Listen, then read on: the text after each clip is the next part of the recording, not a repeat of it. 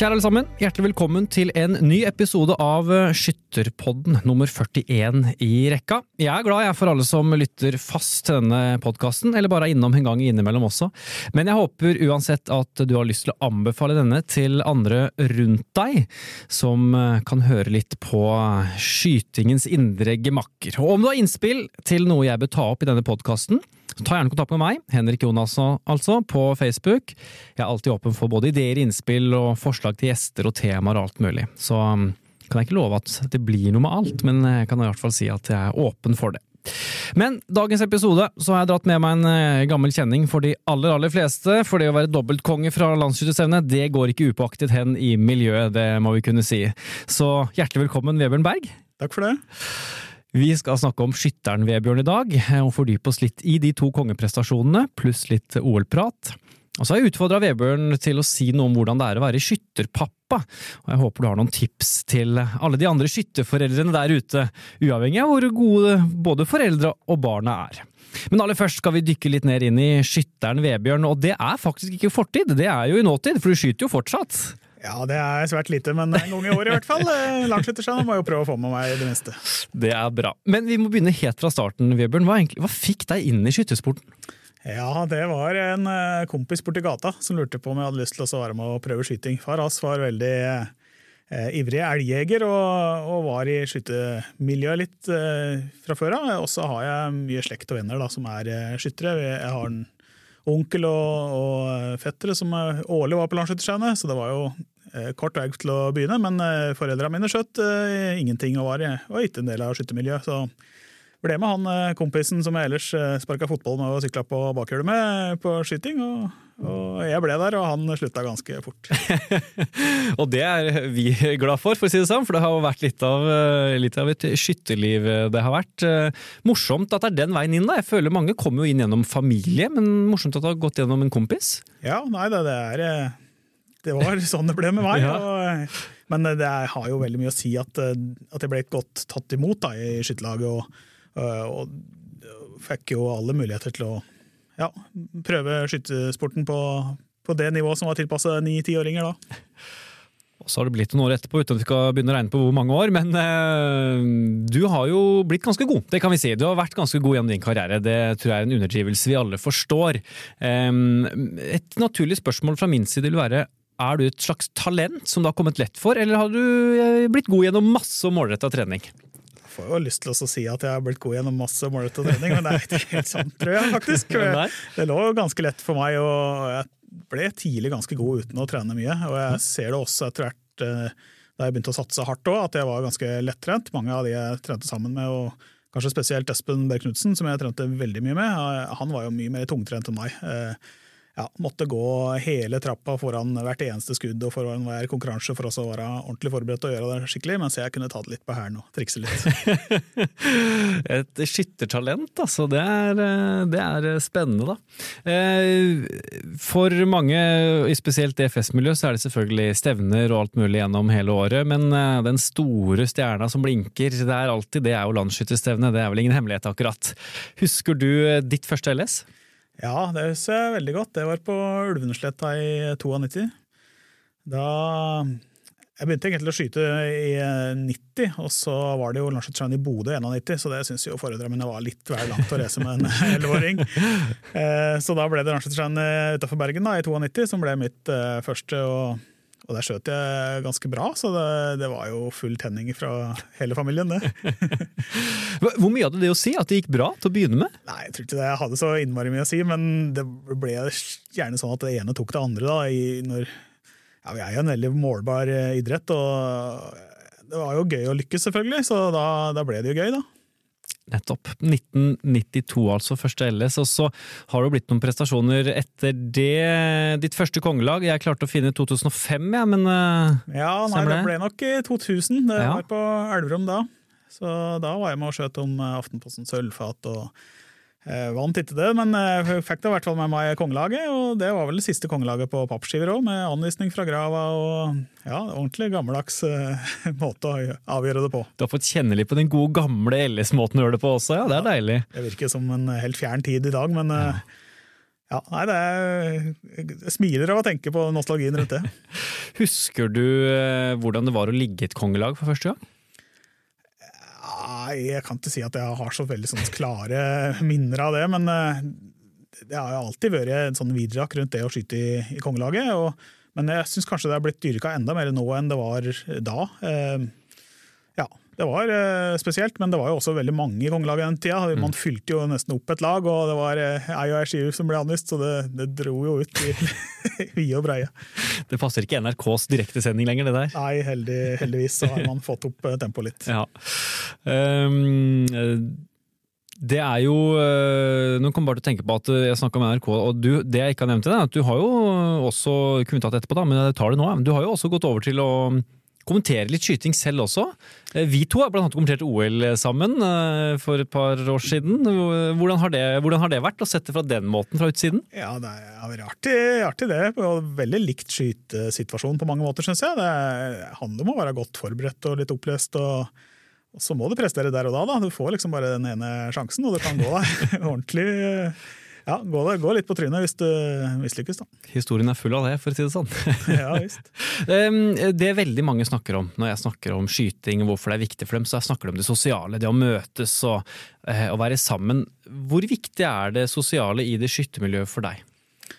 Ja, det er klart det er eh, veldig viktig det, å være en del av et miljø du trives i, men det har ikke vært skal ikke si at det har vært den store motivasjonen min. Jeg er veld, veldig godt likt å skulle bli bedre til å skyte og lete i detaljer. og, og Fascinasjonen for selve skytesporten er kanskje den største for meg, da. Men eh, selvfølgelig, det er alltid hyggelig å ha gode venner rundt, eh, rundt seg og være en del av et miljø. Det har jo alt å si for, for trivsel. Ja. ja da, og du kom inn med en kompis, så det var jo et sosialt eh, Det var jo en sosial greie som fikk deg inn på en måte, da, gjennom Ja da, en kamerat. Absolutt, og jeg har hatt mange mange turer med gode skyttervenner. Ja, Sitte i baksetet rundt eh, til alle, alle avhøl. Alle skytterbaner er jo stort sett i avhør. Det har vært uh, mye skyting, og i DFS-sammenheng så begynte det. I LS-sammenheng begynte det altså i 1992. 16 år seinere, det var tatt i hodet, så jeg regner med at det stemmer, så uh, har vi kommet til 2008. Og det er et flott år for deg. Og bare en hårsbredd unna å bli helt fantastisk, må vi vel også kunne si. Du ble skytterkonge, og du fikk fjerde- og åttendeplass i OL i 2008. Eh, vi skal prøve å ta det litt kronologisk eh, dette året. LS på Førde det skjedde først, og deretter OL i Beijing. Hva hadde vært hovedfokus i forberedelsene dine det året? Ja, Det året var det jo OL alt eh, dreide seg om. Egentlig De siste åra inn mot 2008 så var det jo OL som var det jeg jobba for. Eh, Men jeg passet hele tida på å være med på en del DFS-stevner og skjøtt, eh, bl.a. Norgescupen, for eh, for å ha flere arenaer å kunne prestere på og få gode opplevelser fra i oppbygginga inn mot OL. da. Men de siste ukene før OL der, så lå jeg i Danmark og trente i Wien for å få litt kontroll på det før, før OL. Og, og kom rett ifra Århus og til Førde, egentlig. Uten i helt store ambisjoner for sjølve landsskytterskjauene, men jeg visste jeg var godt trent og godt forberedt. Og, og, og var for så vidt trygg på at svært få var bedre forberedt enn meg der og da, men jeg klarte å sprekke litt der òg. Jeg hadde 46 på stående terien, og Jeg tror ikke det går an i dag å bli skytterkonge med 46 på stående, Nei. eh, heldigvis. Eh, Ja, det var eh, tungt, men jeg klarte å hanke det inn igjen med 100 på grunnlaget. Og så endte det i kongelaget, da. Ja, det kan man jo trygt si, men tror du nettopp det at fokuset ditt var på OL gjorde at du var mer avslappa eh, med LS? Uh, nei, jeg, var egentlig ikke så veldig avslappa til LS. Uh, for, men LS var, uh, hadde lite betydning for meg der. Det var, det, det var OL som, som gjaldt. og eh, På det landsskytterstevnet der så skjøt vi jo kongelaget på lørdag, og, og jeg skulle til OL allerede på mandag, så det gikk jo smikk-smakk der. Eh, ja, det var en eh, fin opplevelse å ha med seg inn i OL, da, og, og det skapte jo litt ekstra virak rundt uh, OL også. Vi Mm. var jo blant annet på ambassadebesøk i Beijing med, med kong Harald. Eh, og da husker jeg Aftenposten skulle organisere et slags møte kongen imellom. Og det, det, var jo, ja, det var jo gøy, det da. Men, eh, Så du har hilst på kong Harald, ja da, det Ja. har gjort det. og han hadde vel fått med seg at du hadde vunnet òg, tenker jeg, dette, Ja, denne en liten sånn artig historie fra OL med kong Harald der, da. For han, eh, kom jo inn i deltakerlandsbyen og hilste på oss. og Sonja var jo rundt og så på hengende asiatiske hager, mens kongen var mer opptatt av idrettsprestasjoner. da. Så satt vi der, og så var vi veldig fascinert, husker jeg, av vektregimet til han Stig André Berge, som skulle da til innveiing før han da skulle bryte igjen. Så var det snakk om at han måtte gå ned jeg tror det var sju kilo jeg, før den innveiinga, og så opp igjen. da, og og jeg har jo ganske, jeg har vært ganske rund i kanta i kroppsformen i alle år. og jeg husker jeg har, Kongen da dylta borti meg og så sa han, jammen bra det ikke er innveiing i skyting. Så. så sa jeg ja, ja, men i seiling er det jo innveiing, så jeg, der veier man jo inn mannskapet. Ja ja, det har du rett i! så det var gøy, da. Han virker som en fin fyr, kong Harald. Ja, absolutt. Ja. Ja, den er, den er uh, morsom. Ja. Nei, du har vel uh, sagt det også, at du har brukt et helt liv på å ligge rolig, så trene mer nødvendig er vel ikke vitser på sånne andre ting? ja, nei da. Men uh, der har jo skytesporten gått fantastisk mye lenger enn det gjorde i, i min tid. da, Nå er det jo helprofesjonelle utøvere som bruker mye tid på oppvarming, blant annet. Mm. Ja, ser jo eh, Dattera mi eh, er jo bare 15 nå, men eh, har jo drevet med oppvarming siden jeg var 13 i hvert fall, mm. på hvert eneste treningsøkt. Så det er Ja, sporten går framover. Mm. Ja, vi hadde jo Jeanette Hegg Duestad her for noen episoder siden. Hun snakket jo litt om også det fysiske de jobber med, ved siden av selvfølgelig alt det mentale.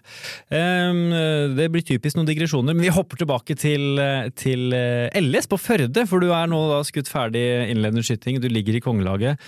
Eh, Riktignok ikke på skive 1, du ligger på skive 3, tror jeg? Ja, det kan stemme det. Ja. Jeg tror det var et poeng bak. Ja, ja Per Terje Sønsterød på skive 1 og Darne Brekne på skive 2. og så kliner du til med tidenes beste finale, ti sentrumstiere. Ja, det var eh, egentlig en veldig god gjennomføring, og den huska jeg veldig lenge etterpå. mange år etterpå. Jeg hadde nærmest sånn fotografisk eh, husk av den serien der. Helt fantastisk. Jeg har ikke veldig mange sånne opplevelser av en, av en serie, men der, der følte, jeg jeg, følte, jeg at jeg dro meg fram og gjennom siktemidlene og bare fanga, fanga svarten. Og ja, huska nesten hvert eneste skudd fra den uh, serien der, og, og, hadde store forventninger til at det også var en bra serie. da. Det må ha vært utrolig deilig følelse?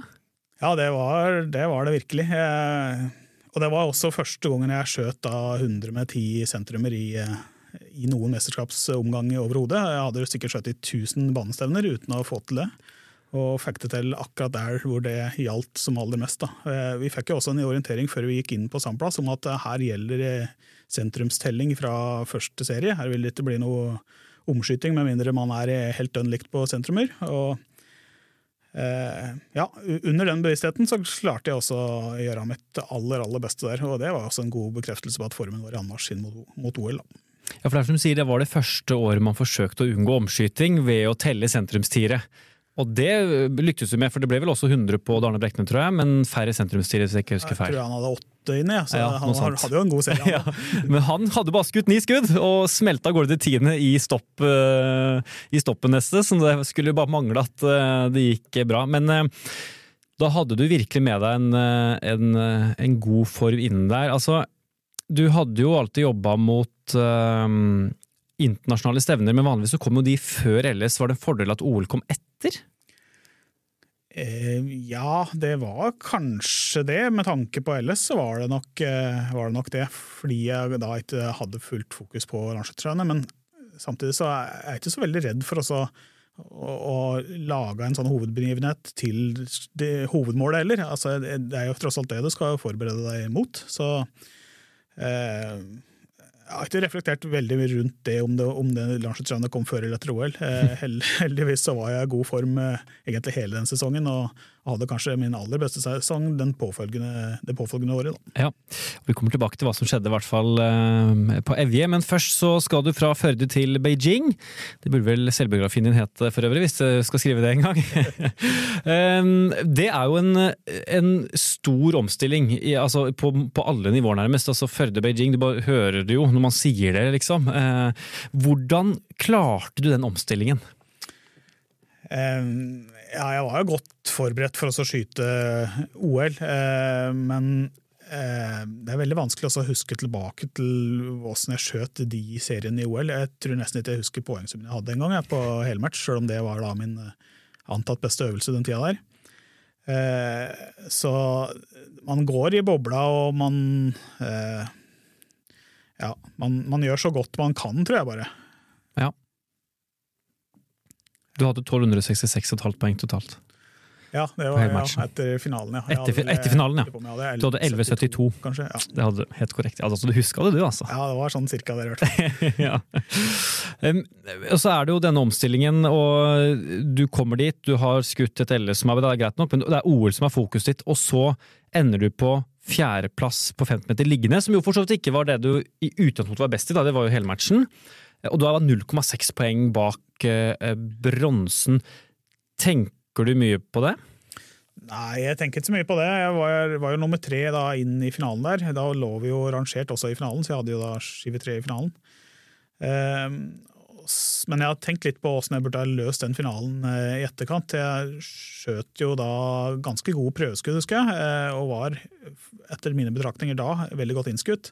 Men hadde selvfølgelig veldig hard skulder, og sånn i etterkant, og med med større skyteteknisk kunnskap i etterkant, så ser jeg at jeg antagelig skjøt litt høyt fordi jeg var hard i skuldra. Eh, og etter hvert så fikk jeg jo litt mer roen over meg, og når sjølve finalen da starta, så, så, var jeg ganske rolig, men da ble jeg også lav i, i blinken. Så jeg tapte mange desimaler på at jeg lå og skjøt lavt, tror jeg. Hm. Jeg skjøt uh, ganske tett, men jeg, ja, eh, det er mest poeng midt i skiva. Er, så brutalt er det ikke, og så enkelt er det òg, for så vidt. Men er, det, er, det noe, er, er, du en person som kan irritere deg over det? Sånn, sånn skjedde den gangen, nå, da lærte jeg av det. Eh, ja, det kan jo irritere meg litt over det, men det er ikke så mye å få gjort noe med. Så ja, jeg tror jeg er ganske god til å se framover, og det var jo mye av motivasjonen min i hele karrieren. Det å hele tida ha nye sånne små delmål, eh, små eller store, da, for så vidt.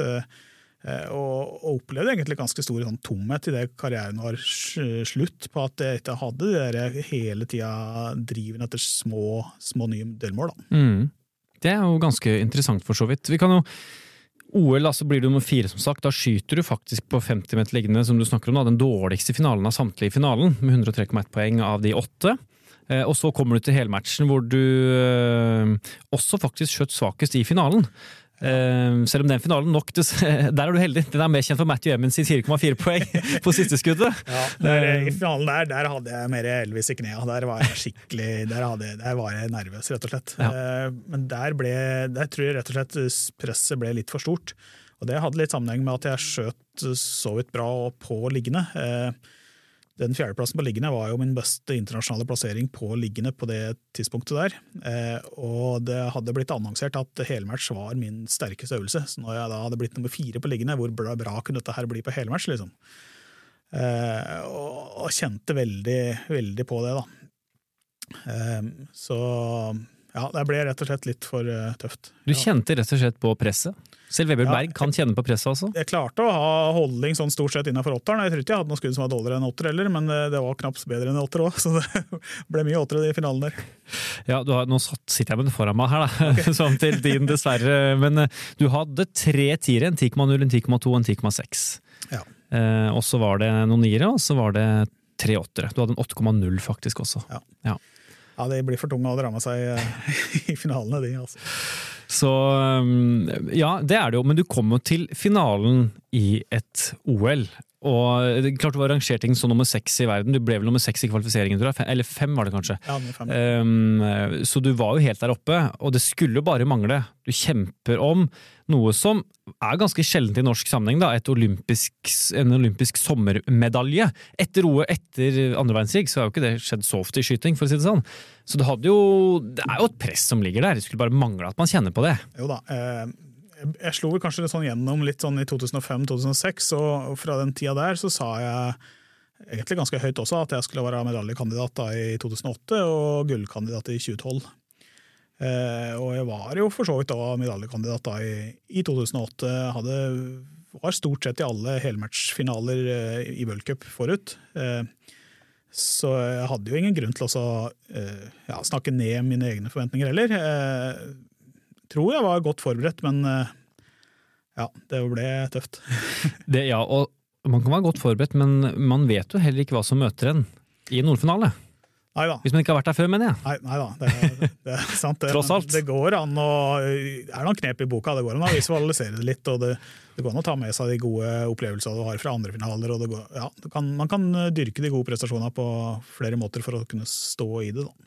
Det er noe med fjerdeplasser, Ole. Altså. Jeanette Grustad har et par i bagasjen, hun også. Ja, det, det gikk jo Det var kjedelig, det eh, fjerdeplassracet sist, altså. Ja. Med både Jon Herman og Jeanette. Og ja. Du, du, du kjente godt hvert fall hva de var, eh, var igjennom. Men, men um, um, du har jo ikke vært redd for det å, å være ambisiøs på egne vegne også utad, ved å si det. eh, Medaljekandidat. Og det var du jo òg, så du har jo lyktes sånn sett med, med de målene du har satt deg til en viss grad. Ja, ja da, det kan virke, virke litt sånn cocky i, i den situasjonen, men for meg så var det litt naturlig da, og det var også eh, ja, Det var med og bygde meg sjøl opp som en uh, god skytter, tror jeg. At jeg. eh, Hvis du ikke tør å si det til deg sjøl at du er god, eller kanskje også til de nærmeste, så, så blir du neppe best.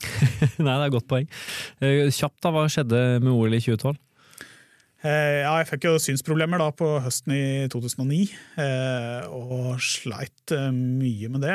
Jeg vant jo da v-cupfinalen i 2009 og ble nummer to året etter òg, så jeg og tok kvoteplass til OL og, og var egentlig godt med i det, men jeg hadde problemer med å kunne utvikle meg noe særlig, og var også veldig åpen om at jeg hadde de synsproblemene. Så jeg tror jeg kunne gjort et godt OL i 2012 også, men totalvurderingen var jo at jeg nærmest hadde en sykdom da, som gjorde at det kunne være andre som var bedre kvalifisert altså ta medaljer for Norge. Da. Så da ble jeg ikke en del av laget, men jeg satt på tribunen. Du satt på tribunen, det var jo fint det i hvert fall. Ja da. Sånn er livet det, hvis man skal være veldig brutal. Men eh, vi hopper tilbake tre år fra London-OL, da, nemlig til Evje i 2009. Eh, Hvor godt hadde du forberedt deg på LS det året? Ja, Det året så eh, kom jeg rett ifra EM i Osijek og hadde akkurat blitt europamester på 300 meter der. Eh, Så jeg kom jo også inn der med en god følelse. Da hadde jeg jo da vunnet landslagsrennet året før og visste at det ville bli mye eh, virak rundt meg. For å kunne, om jeg, så om jeg kunne klare å forsvare kongetittelen. Jeg tror jeg også leda Norgescupen da, og jeg var jo et hot navn da. så Her gjaldt det også å ta litt eh, eierskap til eh, situasjonen. Eh, Jeg hadde også bodd ulike steder. Jeg er jo fra Hedmarken, så jeg hadde jo noen lokalaviser fra Hedmarken som førte meg. Og så studerte jeg på Sørlandet, så jeg hadde noen eh, lokalaviser i både Grimstad og Kristiansand som førte. Og så hadde jeg begynt å skyte for Blaker, så det var jo noen lokalister også her. da. Eh, og hvis jeg skulle gå og snakke med de hele uka i forkant, så tenkte jeg at dette her ble jo helt unødvendig mye mas. Så jeg gjorde noe så ja, uortodoks som også kaller det en pressekonferanse. Det er ikke så ofte man gjør det på landslagsrennet, men jeg gjorde det faktisk. Et eh, pressemøte i eh, pressesenteret, og så tok jeg alt eh, der og da. Og da, fra det, det tidspunktet så følte jeg at jeg begynte å eie situasjonen. Da hadde jeg tatt kontroll på pressen, og jeg hadde litt kontroll på mitt eget press også. Jeg hadde visst at jeg var i form. og og så hadde vi jo sett skivetrekninga, og jeg og Espen skulle da skyte på skiver ved sida av hverandre i, i kvalifiseringa der. og ja, det var, det, det, det var liksom bygd opp til at dette her bare måtte få et fint utfall. Eh, og det har jeg tenkt på mye etterpå, at eh, her var det bare en, et mulig utfall, og det var å lykkes. Eh, det var aldri noe alternativ å ikke skulle vinne det der. Det er interessant å høre. Du hadde rett og slett full kontroll, på en måte? Ja, jeg hadde det, og da, da hadde jeg kontroll på stående serien og nerver og alt. Da, da var det da følte jeg meg ganske uslåelig, rett og slett.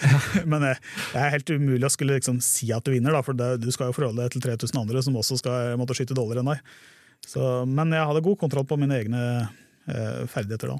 Med fasiten i hånd så vet vi at det gikk jo bra da. Du vant jo eh, ganske suverent, på en måte. Du vinner jo med 3,48 mot 3,46, og det er jo det er sjelden man vinner med mer enn to poeng, for å si det sånn, i på LS. Ja da, det var, eh, ja, var Og foran Espen Berg Knutsen også, bestekompisen! Ja, det, Det var deilig, kanskje. Ja, det var ja, fantastisk å skulle og da kunne ringe Espen eh, skulle opp bakkene fra evige hjem igjen etter at vi da hadde blitt nummer én og to. og det her eh, naila vi bra.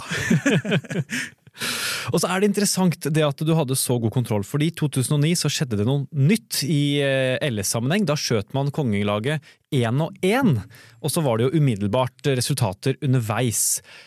Et størt, stort press, et større press. Eh, hvordan Hadde du tenkt det? Hadde du jobba med det på en måte? Jeg hadde satt meg litt inn i tidsplanen for å forstå hvordan den selve gjennomføringa skulle skje. Jeg skjønte at det skulle ta lang tid fra opprop og til jeg skulle da inn og skyte som sistemann. Så det var flere som jeg husker var litt sånn lang i maska når jeg kom der helt i sivil og slippers, eh, mens alle andre satt der med canvas og skinn på seg. Eh, men der, skjønte jeg at her var det ikke noe vits i å sitte en varm sommerdagsdag i timevis for å vente på å skulle skyte. Så igjen da, så følte jeg at jeg hadde litt kontroll på forberedelsene der. Um, og så var det jo sjølve gjennomføringa som alle var litt uh, spent på. Skulle skyte én og én, og systemet hadde ikke gått seg helt til heller. Så jeg vil si at det var nesten mer ekstremt da enn det er i dag. Jeg husker standplasslederen sa at han opplyste om hva skytter på skive 2 hadde. Altså han sa skytter på skive 2 har 98 poeng, skytter på skive 1 la det opp og gjør klar. Så, det er brutalt. Og så, tror jeg jammen meg han eh, gjentok igjen hva skytter på skive 2 hadde, uh, før han sa klar kommer noen ti sekunder fra nå. Så det var liksom veldig uh, bygd opp til at her skulle man prøve å få det maksimale ut av spenninga.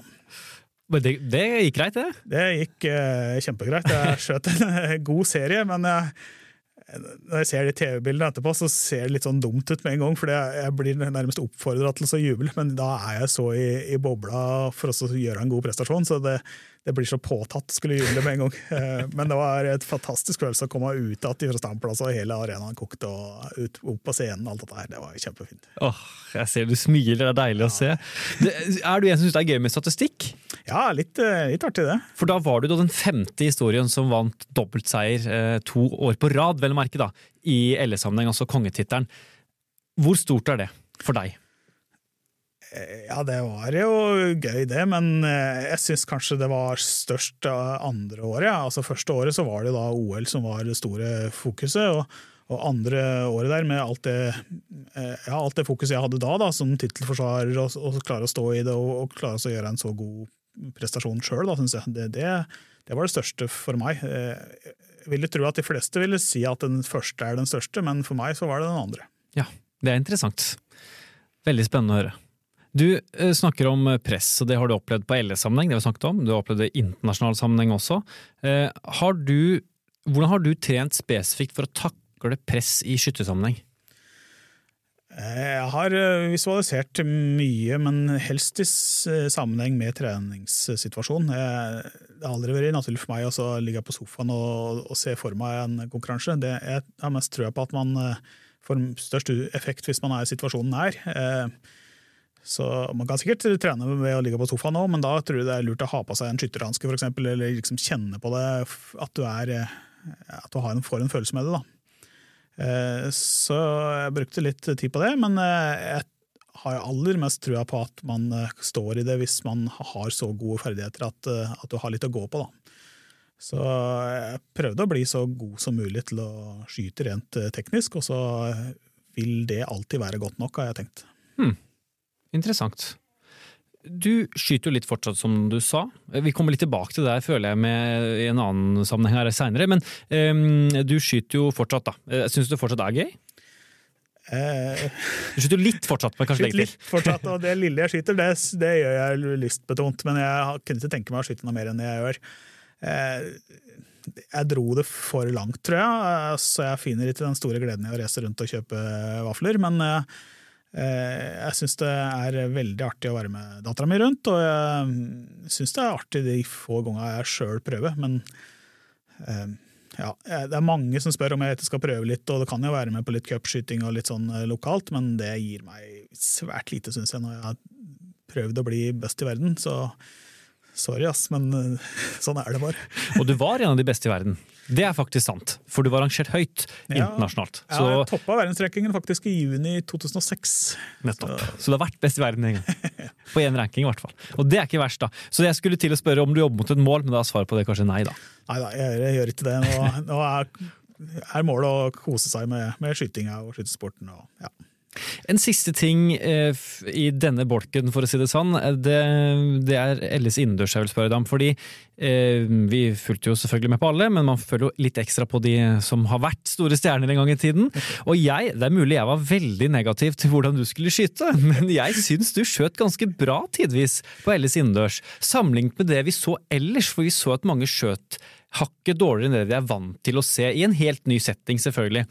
Har din bakgrunn og din karriere som skytter hjulpet deg inn i Elles innendørs, og at du ikke jobber mot et mål, så du bare har det gøy? Ja, Eller skjøt ikke så bra som du ville at jeg hadde? eller skjønner du? Altså. Det var flere poeng å gå på der. ja, det var mange poenger, nemlig, så du kan velge hvilket du vil ta.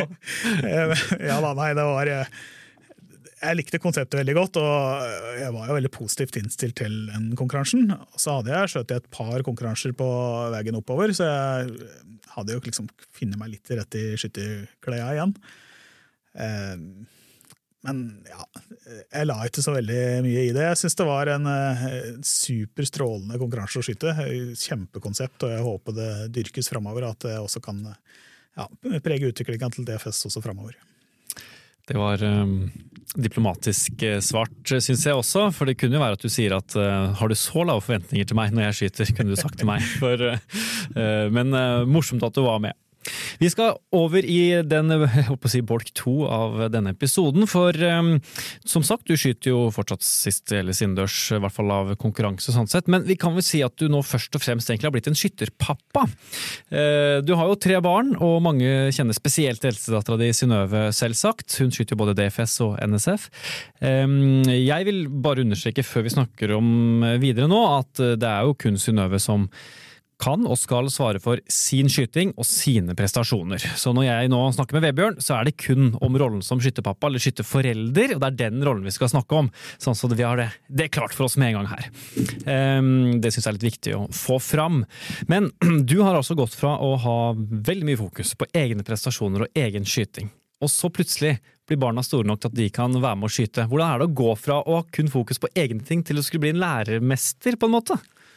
Ja, Det er jo veldig, veldig gøy. Altså, det er jo artig å følge opp unger uansett hva de driver med, men eh, at de da starter med en idrett som ligger mitt hjerte sånn her, det er jo veldig artig, syns jeg. Så det var ikke vanskelig å nøre opp under den eh, interessen, da.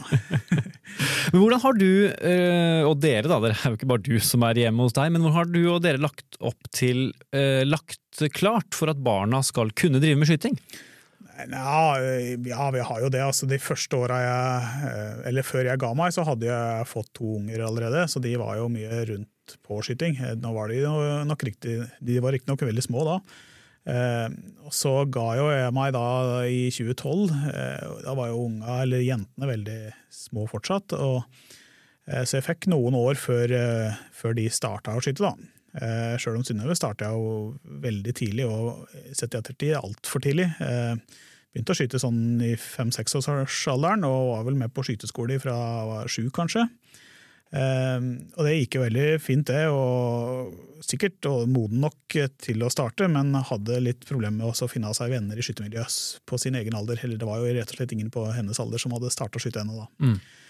Eh, så det var jeg veldig bevisst på når uh, nummer to, altså Sigrid, skulle starte å skyte litt. Eh, at jeg hadde lyst til å holde igjen litt til hun kunne skyte sammen med jevnaldrende, da. Mm. Så ja, men Men er, er, det en utfordring? At man ikke har noen på sin egen alder i et skyttermiljø? Når, ja. Hvis man vil at sine egne barn skal få muligheten til å prøve seg, i hvert fall? Ja, det tror jeg. Jeg tror det er lurt å invitere med nabo Eh, jenter og gutter. For ja. også, ja, det, kan, det, kan bli, det, kan, bli, bra, det har vi hørt om i dag. ja, da, det, eh, ja, rett og slett for at man har noen å skyte sammen med, og det er veldig viktig. og Det er det barneidrett eh, handler om, å, å, å skyte, og trives sammen. Ja, det her Resultatfokuset er jo i hvert fall ikke noe dra fram i den alderen der. Nei, og Det er interessant at du sier, for jeg, jeg, jeg håper at det du snakker om nå skal være med å kunne hjelpe Eh, noen skytterforeldre til å få et bevisst og godt forhold til den rollen. Og så vil sikkert noen påpeke at du har jo vært en av Norges og verdens beste skyttere. Du har jo et fortrinn framfor oss andre, eh, både når det gjelder utstyr barna kan låne og bruke, og kanskje ikke minst at du har fått hjelp av profesjonelle som du kan eh, lære videre på en måte. Men Jeg vet at du har egentlig noen ganske enkle tanker om hva som er viktig for barn som driver med skyting spesielt og idrett generelt. Kan ikke du dele litt med oss hva du tenker? Ja, jeg har jo nevnt det flere ganger før her at det, har vært viktig for meg å være forberedt til mine konkurranser, og det tenker jeg er viktig også fra unga starter med ja, skyting i det tilfellet her. da, At man vektlegger det å gjøre ordentlige forberedelser, for det tror jeg at man får tilbake på andre områder i livet, enten det er på skole eller i jobbsammenheng eller eh, ja, uansett. Altså at man eh, er godt forberedt, det tror jeg er en viktig verdi å ta med seg. Og så er det det her med resultatfokuset, at man legger det helt bort. Og det, det kan man legge bort for alltid, egentlig. Fordi eh, den idretten vi driver med, er utrolig målbar. Så eh, å skulle motivere resultatfokuset, det er helt unødvendig. Det, det resultatfokuset det kommer av seg sjøl uansett om du vil eller ei. Eh, og å klare å tone ned det, det har vært veldig viktig for oss hjemme hos oss. da. Og så er det jo det her med å unngå, måtte, unngå presse. altså Det har hele tida vært lystbetont det at ungene mine skal skyte. Eh, og jeg, det har ikke stått på mangel på tilbud. Da. De har jo fått tilbud om reise på skyting veldig mange ganger flere enn det de har takket ja til. Så, nå, mens nå har det jo snudd litt. Da. Nå er det kanskje jeg som må holde igjen litt. For nå syns jeg det blir innmari mye kjøring til trening og konkurranser. Men ja, jeg tror det er viktig å tone ned resultatfokuset, og heller nøre opp om eh, interesse og fokus på detaljer, da, som har vært viktig for, egen, for meg sjøl i min egen karriere. Ja, det er kanskje ikke bærekraftig kun at resultatfokus heller. Altså Det blir feil fokus for hvis du skal drive med over tid. da. Eh, og så vil jeg jo tenke at Målet må jo være at de skal drive med noe som er, de syns er morsomt, ikke nødvendigvis at det skal bli verdens beste. Ja, nei, nei, altså Det viktigste er at det blir selvstendige, sjøltenkende mennesker, uansett om de skal fortsette med skyting livet ut eller har det hyggelig bare der og da. Så jeg har mer trua på å ja, gi litt næring til rota enn å skulle pynte juletreet, hadde jeg sagt. Ja, det, hørtes klokt ut. Eh, hvordan kan man som forelder legge til rette for dette med forberedelser? Du snakker om det, ikke sant? være godt forberedt og gode forberedelser. Og du sier det òg, det er viktig eh, som person. Altså, det er jo noe man får brukt i masse, mange arenaer i livet. Både mens man driver med skyting og hvis man slutter og har det med seg. Hvordan kan man som forelder legge til rette for at barna skal være best mulig forberedt? Har du noen tips og triks? holdt jeg på å si? Ja, det beste trikset er jo være uh, oppmerksom da, på hva unga sjøl vil, og, og, hvor mye de vil eller vil få ut av det òg.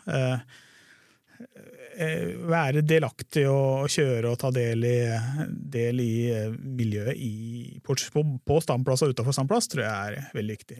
Være tilstedeværende er jo ja, viktig uansett idrett, tenker jeg. Mm. Så det er veldig viktig for oss å, å backer godt uh, oppunder hele, hele veien, hvis uh, interessen går den veien der. Mm. Eh, du har også nevnt noe tidligere, dette med testing av våpen, ammunisjon. Hva tenker du om det? Ja, det mener jeg er helt unødvendig for rekrutt- og juniorskyttere i det hele tatt. Altså, det er, det er det avgjør om man blir en eh, god skytter eller ei. Altså, mange tenker sikkert at Synnøve er jo født inn i det med det beste fra øverste hylle, men eh, jeg har aldri testa våpenet hennes før nå i år, faktisk. Og hun har jo vært med og skutt litt internasjonalt de siste par åra. Så det, jeg er veldig bevisst på at det er ikke der framgangen ligger. Framgangen ligger i gode forberedelser, nitidige treningsarbeid, systematikk, eh, metodisk, analytisk ja, Hvis man får til en god samtale til og fra trening, så tror jeg det er mye mye mer fruktbar enn å sitte og teste i benk. Hm. For der nevnte du også, du nevnte litt i stad, dette med eh, samtale. fordi man må ikke nødvendigvis gjøre all jobben på skytterbanen. Mye kan gjøres før, etter, eh, mellom. Altså andre dager også. Ja, absolutt. Eh, den viktigste støtta jeg kan gi Synnøve inn mot en konkurranse, er jo nettopp det her med forberedelser. Da. Og nå har jeg jo hun skutt noen internasjonale stevner. og jeg har all respekt for de foreldrene som jeg ville vært med ut på de stevnene og følge unga på sjølve mesterskapet, men for meg så har det vært mye viktigere å være en del av forberedelsen. og eh, ja, eh, legge til rette for eh, maksimale ja, forberedelser da, inn mot mesterskapet. og Da er jeg heller, blitt hjemme fra sjølve mesterskapet. Da tenker jeg at det, er, det kan være gunstig at uh, utøveren sjøl blir selvstendig og klarer å stå i det. Og så slipper du ta den reisen også, si. ja, jeg er ganske, ganske lei av hoteller og flyplasser, ja, altså, så det er ikke noe attraktivt, det. Um, som når man får barna inn i skyting, så blir det jo en del av et miljø, altså en skytter, en klubb. Uh, hvordan har du som pappa balansert rollen som pappa og ivrig læremester, Ja. inn, og spesielt inn i et klubbmiljø hvor eh, man ikke nødvendigvis har en trenerrolle, da? Hvis man ikke har det. Ja, jo, altså jeg har hatt også litt trenerrolle i skytterlaget i Blaker. Jeg har, eh, jeg har stått for stående trening, for, eh, egentlig for skyttere som har vært sånn 13-14-15 år og opp til en par 23. Eh, Og det var rett og slett for oss å sikre en best mulig overgang opp i klassene, og det tror jeg vi har klart å lykkes godt med for oss å ivareta eller eh, klare oss å holde på eh, ungdom som har lyst til å fortsette. Da. Vi har, eh, har liten frafallsprosent i Blakersjø mot mange andre plasser. Mm.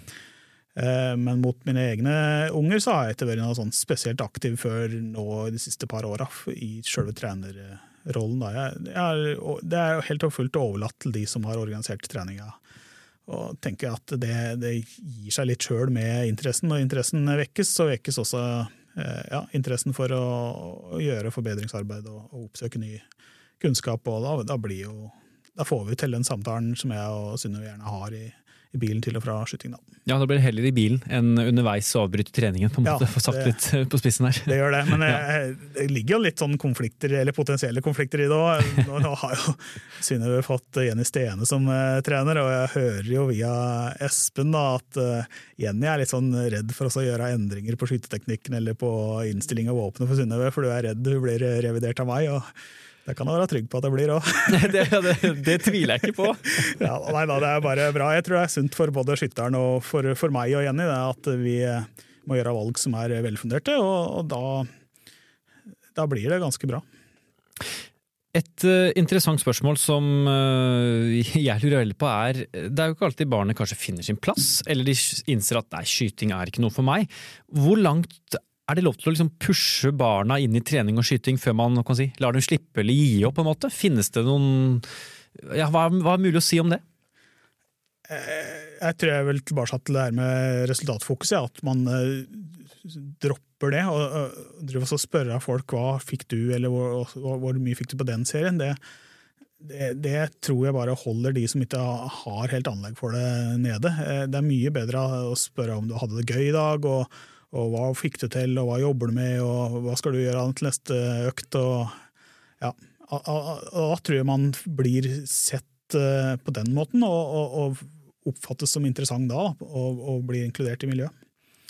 Så ja, eh, jeg har ikke oppskrifta på åssen du skal unngå at folk eh, faller fra, men det å ha et, et stort og bredt miljø der alle blir inkludert, tror jeg er veldig viktig. Og jeg, jeg tror det også er veldig viktig i eh, fokuset som eh, er på de unga på sosiale medier. For det første så er det jo veldig viktig at det der ligger en aksept rundt at de omtales, men også at de faktisk blir sett. Da, at, at hele laget og at det er miljøet framfor prestasjoner som blir eh, verdsatt. Da.